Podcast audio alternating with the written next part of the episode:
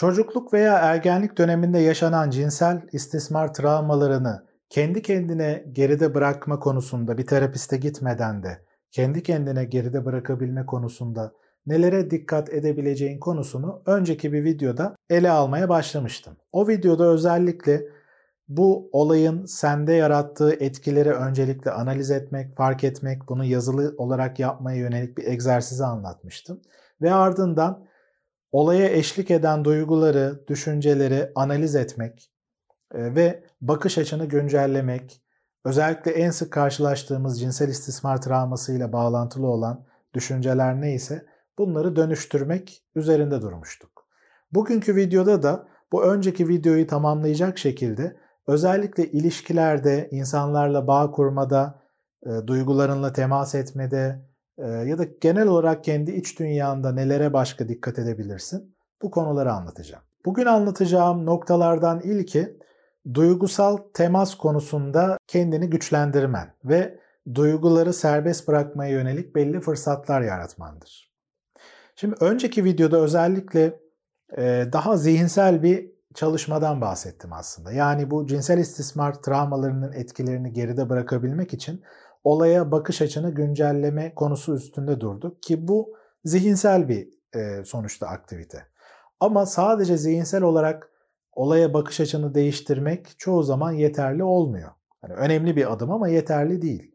Hani kalbine işlemesi açısından, iyice sindirebilmek açısından bu duyguları serbest bırakabilmeye yönelik de bazı çalışmalar yapmak önemlidir.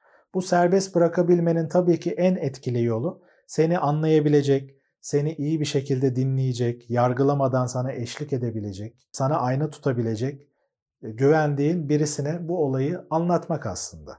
Yaşadığın duyguları, sende bıraktıkları etkileri açmak aslında. Bunu açarken tabii ki buna belli duygular eşlik edecek ve ifade ederken de o duygusal boşalımı bir şekilde yaşayacaksındır.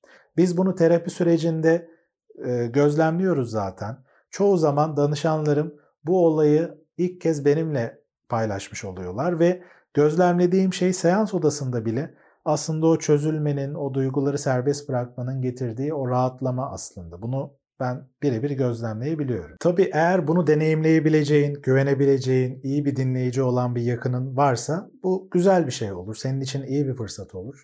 Duygularını ifade etme, paylaşma konusunda iyi bir şans, iyi bir kaynak olabilir. Ama eğer böyle birisi yoksa ki bu tür kişilerin sayısı çok fazla olmayabiliyor. o noktada bunu kendin yapmak durumundasın. Yani duygularını ifade etme, duygularınla temas kurma, bu duygusal boşalımı sağlama konusunu kendin yapman gerekiyor. Tabi burada kendi kendine yapmak da o kadar kolay bir şey değil. Hani imkansız değil. Bunun farklı farklı yolları var ama yine de çok kolay bir şey değil. Çünkü kendi duygu yoğunluğunu e, tolere edebileceğin bir noktada tutmakta zorlanabilirsin. Bunaltıcı gelebilir, çok fazla çağrışım olabilir, odaklanmakta zorlanabilirsin. Ve o noktada belki duyguları yine bastırasın gelebilir. Dikkatini başka bir şeye verip e, o duygusal yoğunluğu kaybedebilirsin. Bu konuda söylenebilecek, yapılabilecek çok şey var. Bununla alakalı duyguları boşaltma, serbest bırakma, e, duyguları ifade etme konusunda birçok kitap da var. Bunları araştırıp okuman faydalı olabilir. Cinsel istismar travmalarını gerçekten kendi kendine geride bırakabilme konusunda yapman gereken önemli bir şey de sınır koyma becerini geliştirmektir. Cinsel istismar travmalarında özellikle zaten bu travmanın kendisi de hayır diyememek, sınır koyamamakla doğrudan bağlantılı olduğu için tabii çocukluk ve ergenlik döneminde bu becerilerin de yeterince gelişmemiş olduğu için e, o noktada zaten o sınır koyma becerilerindeki eksiklikten bahsediyoruz bu tür travmalarda. Dolayısıyla bunu şu anda yetişkinlik yaşamında geliştiriyor olman, yeri geldiğinde hayır diyebilmek, sınır koyabilmek, net şekilde ortaya koyabilmek kendini çok çok önemli. Ve bu öğrenilebilen bir beceri aslında. Bu beceriyi öğrendiğinde bu senin özgüvenine de doğrudan yansıyacaktır ve hani repertuarına bir, bir şekilde bu sınır koyma becerini de kattığında kendine olan saygın, güvenin daha da artacaktır. Ve geçmişteki yaşadığın o travmayı düşündüğünde de sahip olduğun bu kaynak, bu güçlü yönünü eğer kendinde hissedersen o zaman bakış açında güncellenecektir ve oradaki çocuğu bir nevi sen kendin yetişkin ve güçlü olan tarafınla bir nevi içindeki o küçük çocuk tarafını nasıl koruyacağını da biliyor olacaksın. Bunu içinde duygusal olarak hissedeceksin. Sınır koyma becerisi özellikle güvenilir olmayan kişileri anlamak ve onlara sınır koymakla da ilgili bir şey. Çoğu zaman gördüğümüz şey cinsel istismar travması yaşayan kişiler bu sınır koyma becerisi konusunda belli eksikliklere sahip oldukları zaman o noktada güncel hayatlarında da bu sınır koymakta zorlanabiliyorlar ve bazı kişiler onları belli noktalarda kullanabiliyorlar. Bu illa cinsel anlamda bir şey olmak zorunda değil tabii ki ama bu iş yerinde olabilir, sosyal ilişkilerde olabilir. Hani bir şekilde ben yeterince düşünülmüyorum, önemsenmiyorum, karşı taraf bencil, benim ihtiyaçlarımı önemsemiyor tarzında belli deneyimleri yaşayacağın durumlar olabilir ve orada da hani kullanıldığını düşünürsün, hissedersin. Açıkçası böyle durumlar da olabilir. Yani karşındaki kişi senin ihtiyaçlarını pek düşünmüyor olabilir, önemsemiyor olabilir. O noktada özellikle o sınır koyma becerini tam da zaten kullanman lazım. Bunu kullanmadığın zaman tekrar travmatize oluyorsun farklı şekillerde. Bu yakın ilişkilerde de önemlidir. partnerinin seni kullanmadığını, gerçekten güvenilir olduğunu öğrenmen, bunu hissedebilmen önemlidir. Ve bu da açıkçası dediğim gibi geliştirilebilir bir beceri. Sınır koyma konusunda açıkçası söylenebilecek yine çok şey var. Ee, bununla alakalı da yine özel kitaplar var. Kanalımda da ilişkiler dizisinde özellikle bu konuyla ilgili birçok şey paylaşıyorum. Ama özellikle cinsel istismara yönelik olarak da o sınır koyma konusunda özellikle aile yakınlarından, akrabalarından ve hala görüştüğün kişilerden eğer böyle bir e, cinsel istismar travması maruz kaldıysan orada onlara karşı nasıl sınır koyabilirsin konusunu anlatacağım bir video olacak. Orada bu sınır koyma konusunu detaylı olarak tekrar işliyor olacağım. Cinsel taciz travmalarını geride bırakmada üzerinde durmanın önemli olduğu bir noktada tetiklenmeleri sağlıklı şekilde yönetebilmektir. Bu olayı hatırlatan belli durumlarla karşılaşabilirsin. Bu televizyondaki belki belli haberler olabilir.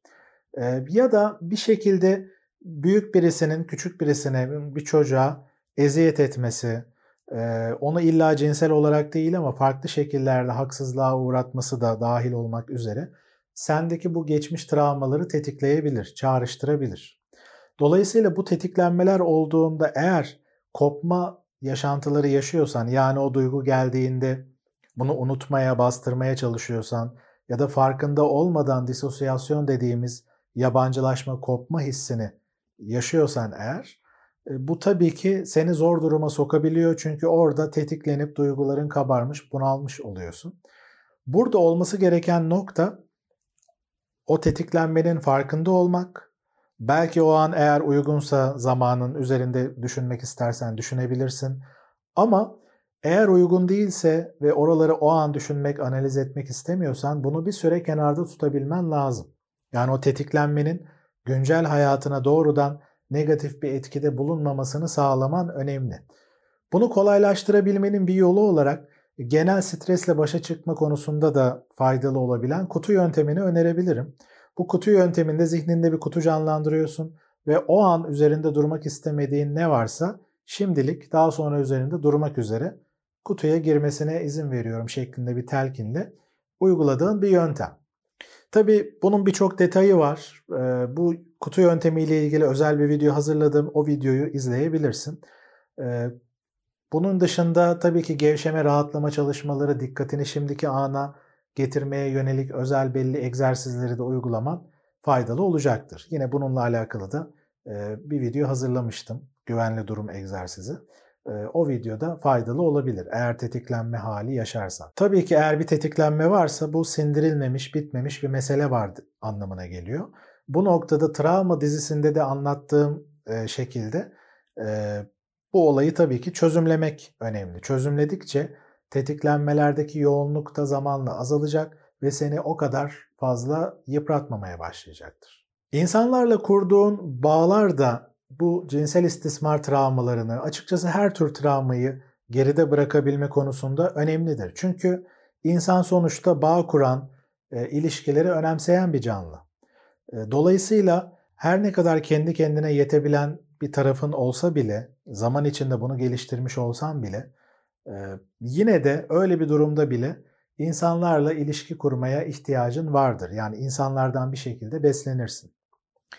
Şimdi bu gibi travmalarda, cinsel istismar tarzı travmalarda tabii güven duygusu çok temelden sarsıldığı için genelde bir başa çıkma yolu olarak diğer insanlara karşı hep temkinli davranmak, güvensiz davranmak, daha izole bir şekilde yaşamak, ilişkileri çok derinleştirmemek, daha yüzeysel seviyede kalma şeklinde bir başa çıkma yolu olabiliyor.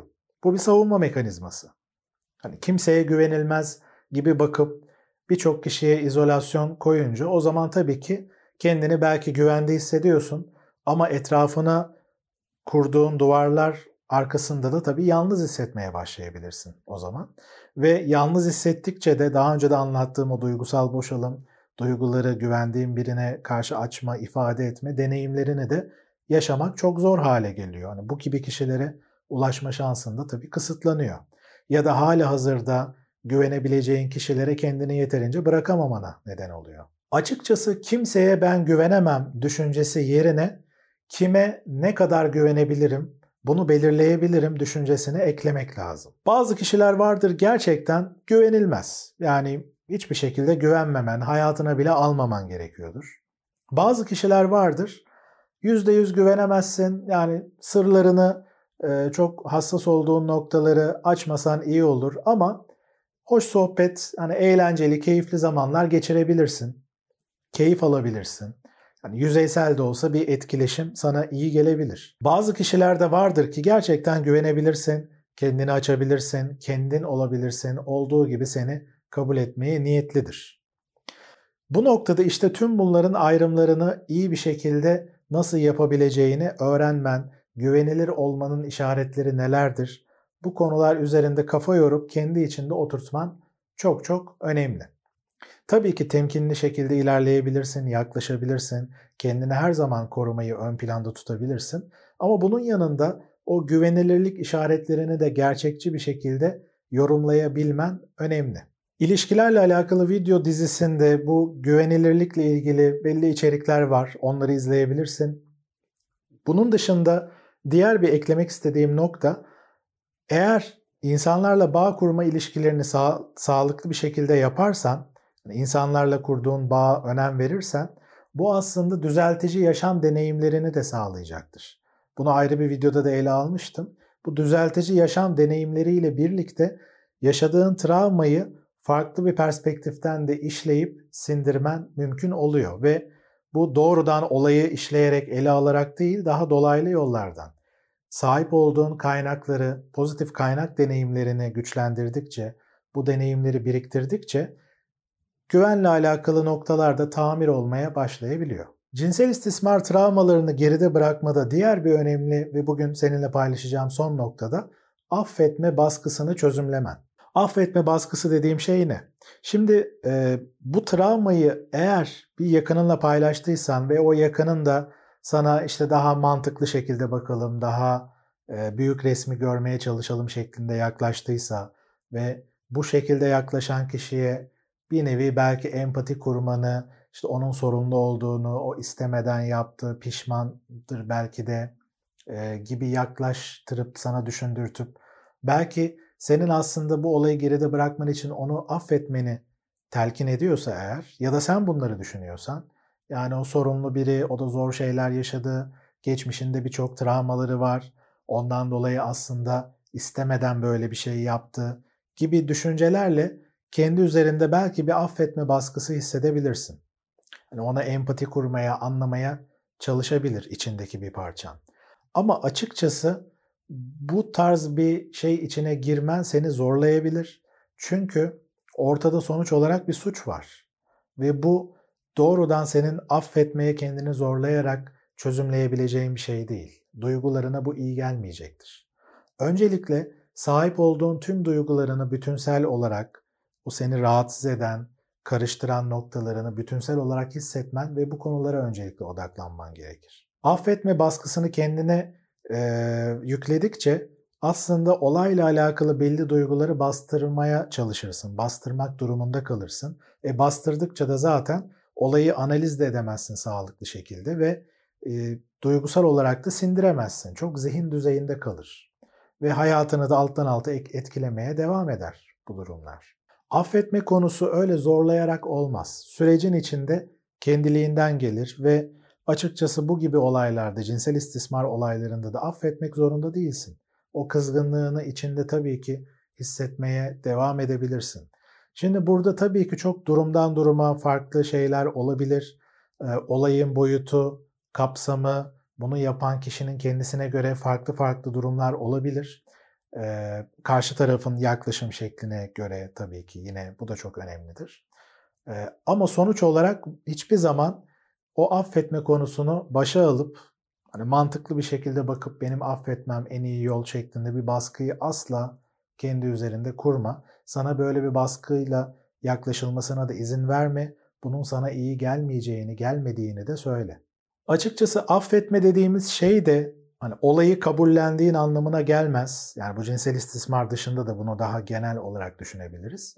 Eğer birisini affediyorsan tüm kırgınlıkların sonrasında e, affettiğin şey o seni inciten davranışları haklı kılmak değildir. Affetme deneyimini yaşadığında bu olayın senin hayatına artık negatif bir etkide bulunmamasını kabul etmişsindir. Yani hayatına negatif bir etki bulunmasına bir sınır çekersin. Yani affetmek aslında böyle bir şeydir. Ve bu kendin için, kendine duyduğun saygı nedeniyle yapacağın bir şeydir. Ama dediğim gibi bu hiçbir zaman zorlayarak olmamalı. Kendi hayatının iplerini, duygusal yaşantının iplerini eline aldıkça, seninle burada paylaştığım noktaları uygulamaya döktükçe olayı daha çok sindirmeye başlayacaksın ve belli yüklerden arınmaya başlayacaksındır. O zaman adına affetme diyelim ya da başka bir şey diyelim, sınırı çekme diyelim, ne dersek diyelim. E, bu zaten kendiliğinden gelecektir. Buraya kadar anlattığım noktalar e, uzak geçmişte yani çocukluk ve ergenlik döneminde yaşadığın ve hala seni alttan alta etkileyen e, olaylara nasıl yaklaşacağınla alakalı konular. Tabii eğer güncel yaşamda yakın zamanda böyle bir şey olduysa ve tekrar olma gibi bir risk varsa orada atılabilecek tabii başka adımlar var. Bunu ayrı bir videoda bu cinsel istismar video dizisinde ele aldım. O yüzden hani o kısmı diğer videoda izleyebilirsin. Eğer böyle bir durum içindeysen ki bu çok çok önemli ve acilen adım atılmasını gerektiren bir durum oluyor. Gördüğün gibi odaklanılabilecek, yapılabilecek aslında birçok şey var. Bunları kendi kendine yapman tabii ki işte kolay olmayacak. Bunun farkındayım. Bunu tekrar tekrar da vurguluyorum. Ancak yine de gerçekten kafaya koyarsan kararlılıkla, azimle, yaşadığın duyguları tolere ederek bir taraftan eğer bu konular üzerinde çalışırsan bu olayları kendi kendine de geride bırakman mümkün olabilir. Yani imkansız bir şey değil. Ama yine de yaşadığın bu zorlukları eğer daha verimli bir şekilde işlemek istersen, daha hızlı bir şekilde toparlanmaya, tempolu bir şekilde bu kişisel gelişim ihtiyacını ve olayları geride bırakma isteğini hayata geçirmek istiyorsan tabii ki bir e, terapistle de birkaç seanslık bir çalışma yürütmen mümkün. O zaman çok daha verimli ve hızlı bir şekilde e, yol alma şansın var. Bu noktada duyguları işlemek, travma odaklı çalışma konusunda uzman olan bir terapisti araştırabilirsin ve doğrudan birkaç seanslık terapi desteği alabilirsin. Eğer bu sorunları tempolu ve verimli bir şekilde bir an önce işlemeye ihtiyacın varsa. Konuyla ilgili düşüncelerini, deneyimlerini senin için değer uygunsa aşağıdaki yorumlar bölümünde paylaşırsan sevinirim. Tekrar görüşmek üzere.